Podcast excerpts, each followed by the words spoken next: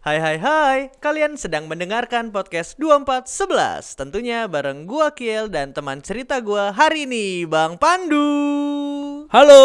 Gokil, ini dia Bang Pandu Perkenalkan diri dulu Bang Halo, nama gua Pandu. Nama lengkap gua Kurnia Pandu Wibowo, biasa dipanggil Pandu. Gua nggak punya nama panggung ya.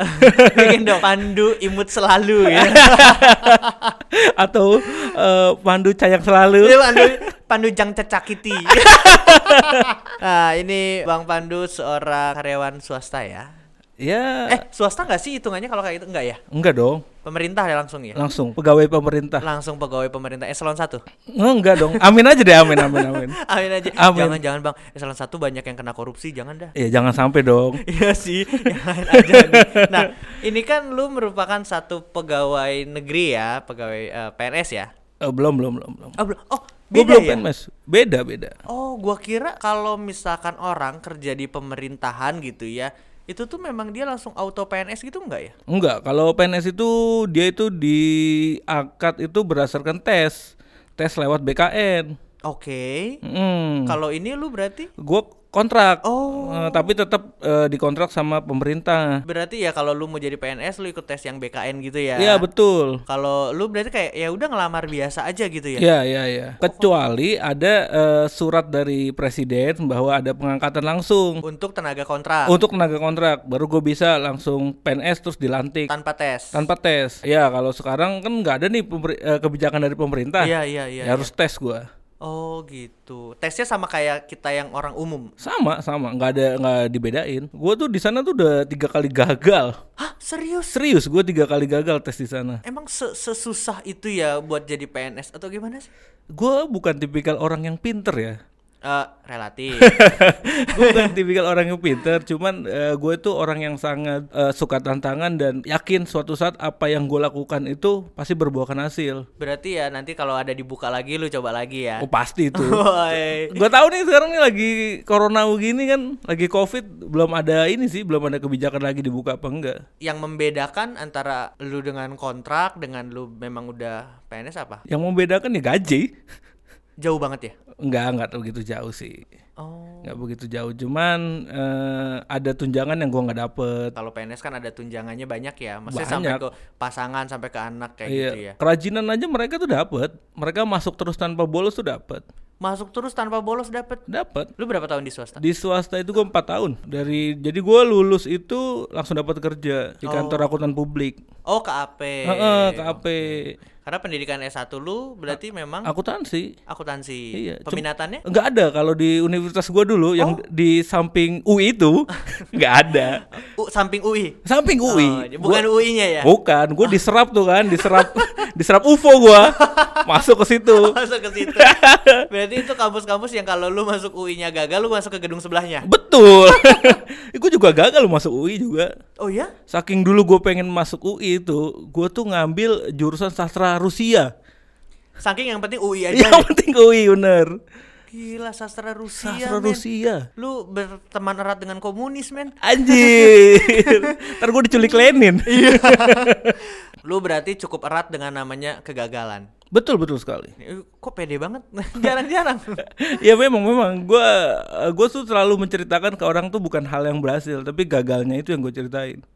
Kenapa? Bukannya sebagian orang justru malah pengen dengar cerita-cerita sukses dan cerita-cerita berhasil. Kenapa? Kalau gue bilang orang itu harus tahu harus tahu merasakan gagal dulu sebelum meraih sukses.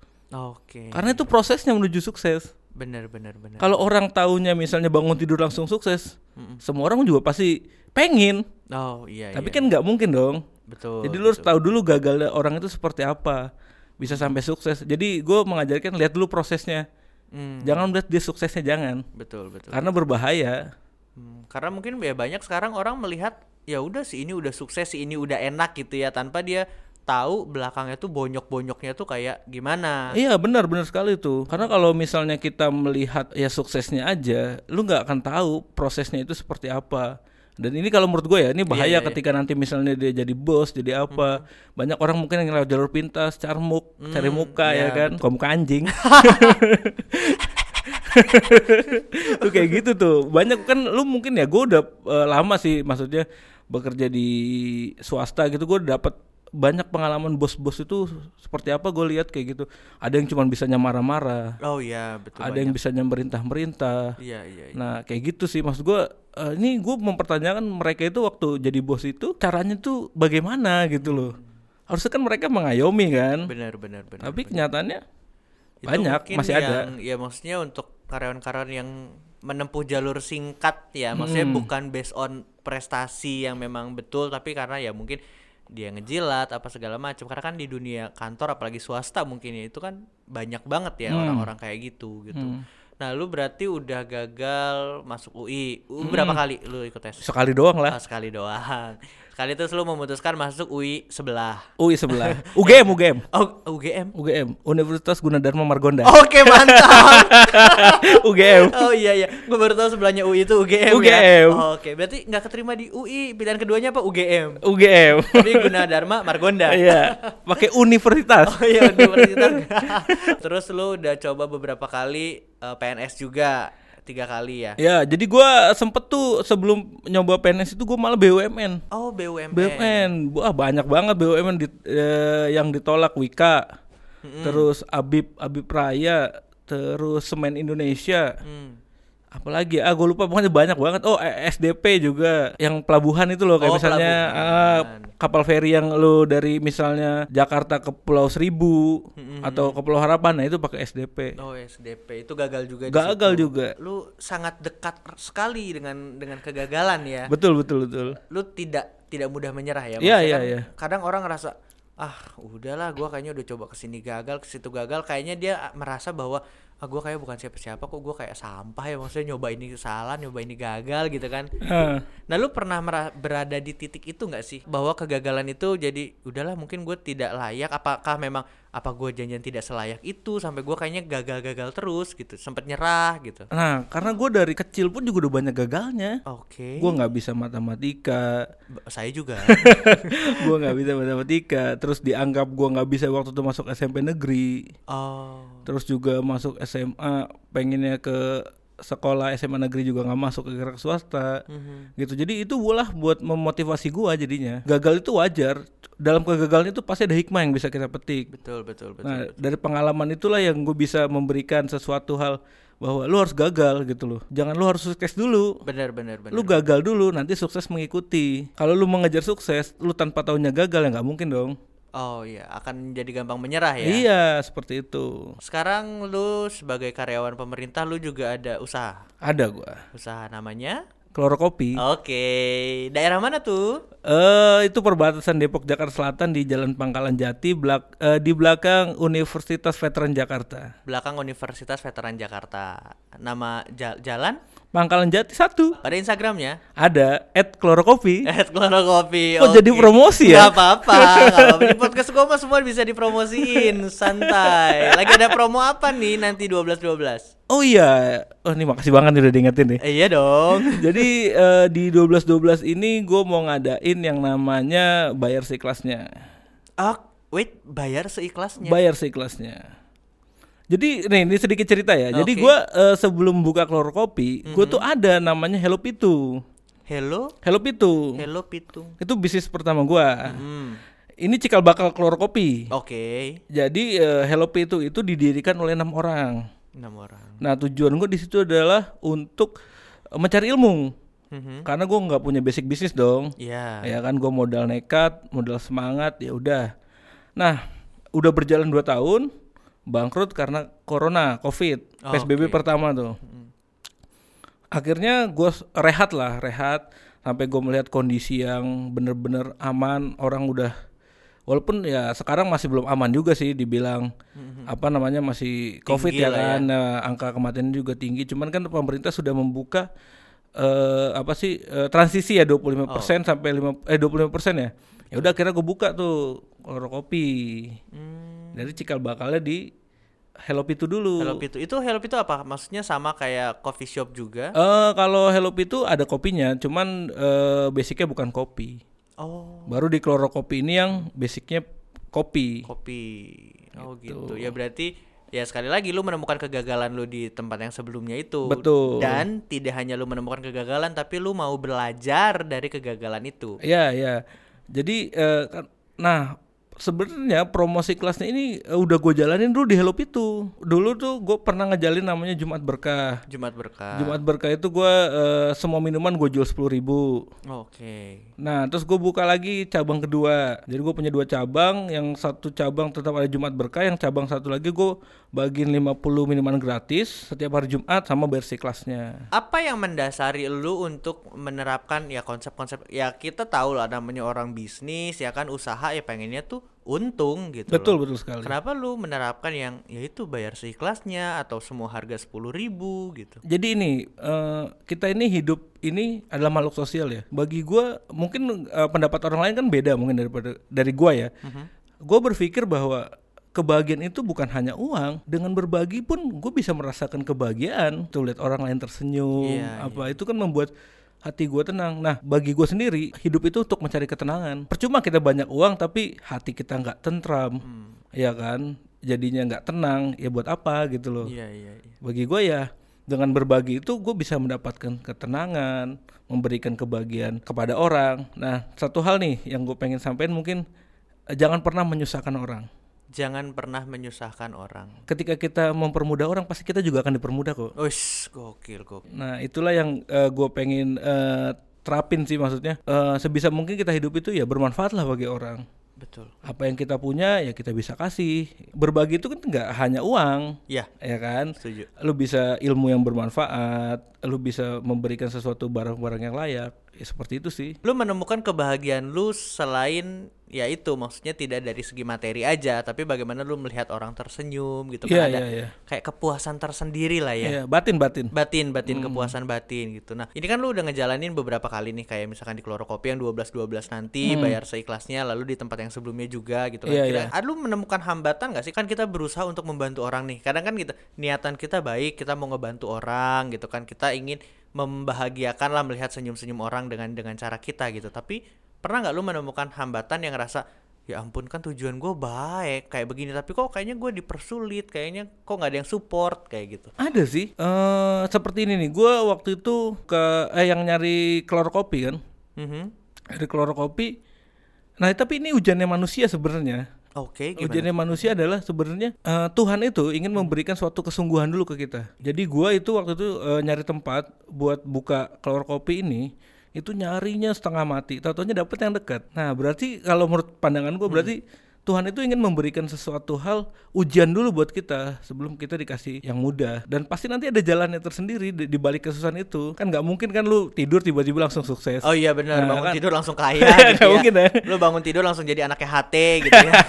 usaha dulu maksudnya Berarti ya lu tetap menemukan kegagalan-kegagalan lu walaupun lu sudah berusaha untuk niat sebaik mungkin, tapi Iya, itu lu iya. menganggap dari sisi yang positif dalam artian lu menganggap bahwa ujian ujian itu adalah ujian. Tuhan menguji lu sejauh mana lu serius betul betul sekali merasakan itu. Itu salah satu pandangan yang yang menarik sih karena intinya lu memprioritaskan membahagiakan orang lain terlebih dahulu karena bagaimanapun kan kebahagiaan orang lain adalah kebahagiaan dari lu sendiri gitu kan. Nah, caranya kita biar kuat nih karena kan kadang ada orang yang salah satunya gua, gua tuh kayak kalau fokus gua membahagiakan orang lain gitu kan. Tapi gua sering kali dihianati dalam artian kayak gua berusaha nih untuk baik ke semua orang tapi kok balasannya kayak semua orang tuh nggak baik ya ke gua gitu. Nah, lu pernah nggak sih di di fase-fase yang lu sudah baik ke orang lain, tapi orang lain itu bersikap tidak baik sama lu gitu? Nah pernah pernah gue eh, pernah dalam fase nganggur ya gue pernah dalam fase nganggur waktu itu setahun gue tuh kayak rasanya kok teman-teman terdekat gue tuh kayak nggak ada yang bantuin sama sekali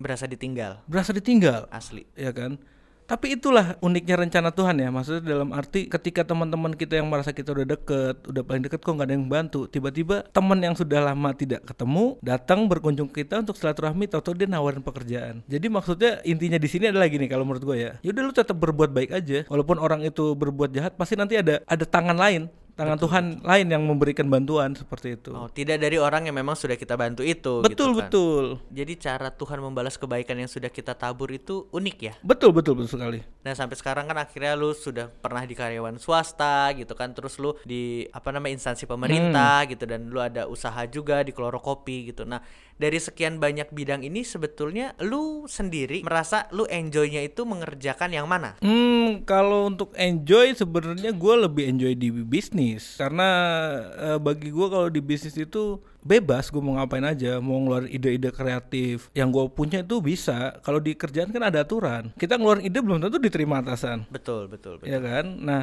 ketika lu bisnis lu misalnya mau ngeluarin ah gue mau ngeluarin promo ini gue mau ngeluarin ide ini ngeluarin ide itu bisa tanpa adanya hambatan kalau di kerjaan kan pasti ada hambatan entah senior lu entah atasan lu banyak hal kan Betul, betul. pasti harus perdebatan dulu kan ketika kita bisnis kan enggak kita kan bisa ngobrol mungkin sesama rekan bisnis terus bisa dieksekusiin secara cepat birokrasinya nggak lama Jadi lu yang memanage sendiri arah bisnis lu nanti mau lari kemana gitu kan Iya, lu iya, yang iya. tentukan sendiri gitu. Nah lu kan sudah mencoba berbagai bidang gitu Iya, kan, dan iya, bahkan lu memang concern lu lu merasa lu enjoy di di bisnis. Sebetulnya dari seorang Kurnia Pandu Wibowo ini, kapan sih lu menemukan bahwa oh ya gua rasanya hasrat gua atau passion gua tuh di bisnis ini gitu loh. eh waktu itu gue nemuin passion bisnis itu nggak langsung seketika dapet. Jadi gue tuh awalnya itu ngebuka namanya tidak hanya bicara.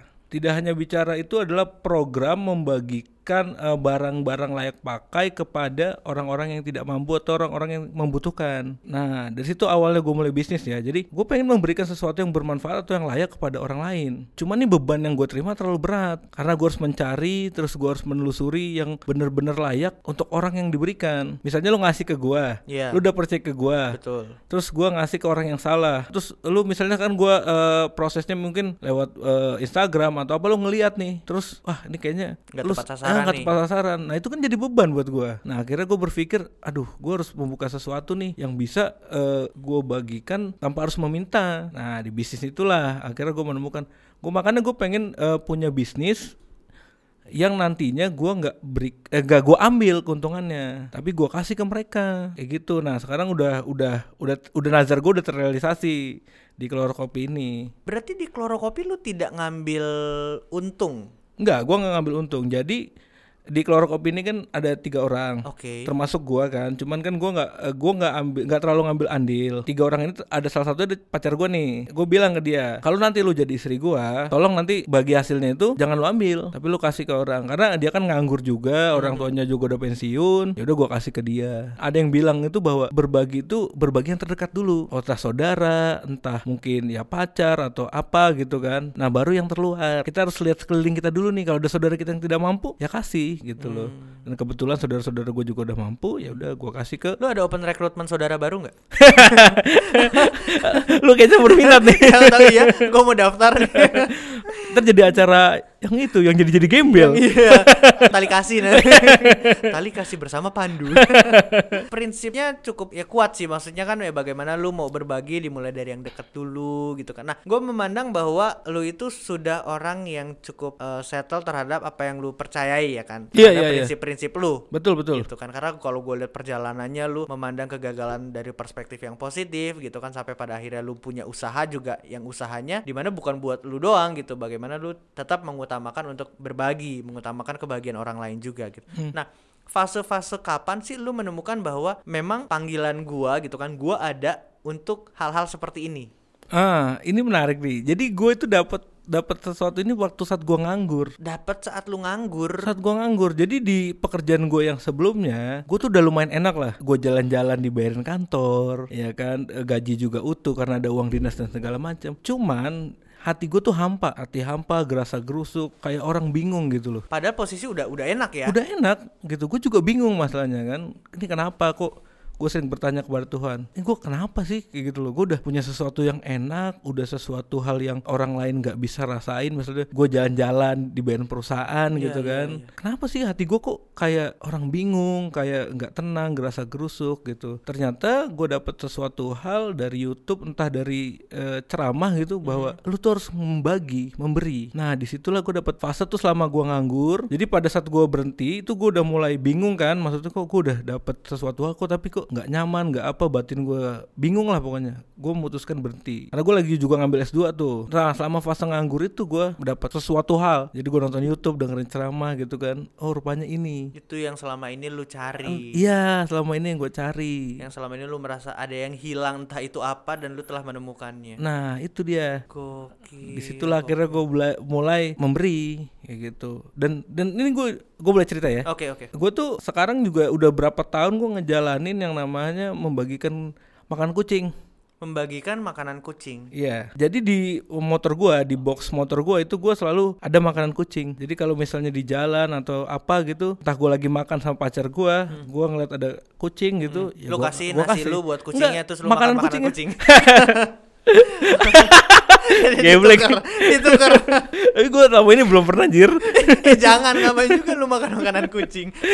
Geblek. Seniat itu lu artinya eh, kita bicara levelnya itu lu sudah tidak lagi membahagiakan diri lu lalu lu membahagiakan orang lain dan sekarang lu membahagiakan kucing. Maksudnya membahagiakan binatang gitu kan. Iya, cuman jeleknya ini. Jadi gua kadang-kadang lupa dengan diri gua sendiri. Jadi gua eh kayak mungkin baju, sepatu apa segala macam tuh gua kayak apa ya kalau kata teman-teman gua bilang, "Anjir lu kok makanya itu itu, Itu lagi, itu lagi." itu lagi." Jadi gua kayak nggak peduli sama diri gua sendiri. nggak mungkin lah kita bisa bagiin semua orang, orang, gitu ya. betul, betul. Ya gua hanya bisa ya sebisa mungkin. Terkadang jadi lupa gitu loh. Jadi apa pakai baju, sepatu itu itu, Itu lagi, itu lagi. itu lagi, itu lagi. Akhirnya gue mendapatkan satu perspektif bahwa asli di tahun yang ya 2020 ini apalagi kita sudah masuk penghujung tahun juga kan masih ada ternyata orang-orang yang dia tidak hanya fokus dengan dirinya sendiri. 2020 kan orang semakin individualis ya. Iya, iya, iya. Apalagi dengan adanya pandemi seperti ini, kasarannya jangankan gua mau bantuin orang, gua sendiri aja lagi susah. Gua sendiri aja kena PHK, gua sendiri aja kayak ada penyesuaian gaji dan lain sebagainya. Jadi gua melihat bahwa orang-orang di tengah pandemi ini justru semakin teruji. Mana orang-orang yang memang dia hidup untuk dirinya sendiri, mana orang-orang yang memang bahwa di tengah keterpurukan pun dia masih bisa berbagi dengan orang lain. Ah, nah orang tua gue pernah cerita sih bahwa dia bilang begini "Eh, manusia itu dilahirkan dibantu dibantu oleh suster ya kan Oke. Oke. iya, mati pun juga dibantu sama orang-orang sekitar betul. nah ketika lu nggak menjalankan itu nanti mati siapa yang mau nguburin Iya, Jadi itu itu menunjukkan ketidakmampuan kita sebagai manusia sebetulnya kita memang tetap memerlukan pertolongan orang lain. betul betul gue setuju banget itu Wah, gokil Bang Pandu, thank you ceritanya gila. Para pendengar podcast 2411 sih asli pasti akan mendapat satu perspektif baru tentang kehidupan. Ya, biarlah ini menjadi bahan perenungan kita selama 2020. Gue melihat bahwa banyak orang di luar sana yang memerlukan cerita, paling tidak dia mengutarakan ceritanya dia. Mungkin tidak harus menemukan jawaban saat itu, tapi paling tidak dengan orang mengutarakan cerita dia akan merasa pelong karena menurut gua semua orang itu pasti punya cerita dan semua orang tuh bisa kok bercerita tanpa lu harus dari orang-orang yang tadi lu bilang lu ngeliat yang udah sukses-sukses dulu gitu kan menurut gua setiap orang pasti berproses dengan prosesnya masing-masing kita tidak bisa menjustifikasi oh si ini nggak sukses ini nggak sebetulnya menurut gua standar sukses lu dan gue itu beda Betul, karena betul. kita menggunakan kacamata yang berbeda Iya, iya. Ya. lu nggak bisa cocokin minus mata gua sama mata lu di sama-samain nggak bisa Hmm. gitu jadi podcast 2411 ini kita lebih yang ya udah eh, siap setiap orang punya cerita setiap orang bisa bercerita ceritain aja di podcast 2411 dan diharapkan bagi para pendengar mungkin untuk beberapa episode merasa oh ini kayaknya agak kurang relate nih dengan kehidupan gua tapi kita pun nggak tahu bahwa di luar sana masih banyak orang yang sebetulnya cukup relate dengan kisah-kisah yang ada Iya, iya, tanpa iya. harus lu melihat dari orang yang udah Dari sosok ya? sukses dari Ah. sosok gitu menurut gua bahwa orang-orang biasa pun setiap orang tuh punya cerita yang yang lu bilang tadi gitu setiap Hmm. kejadian setiap cerita tuh pasti ada hikmahnya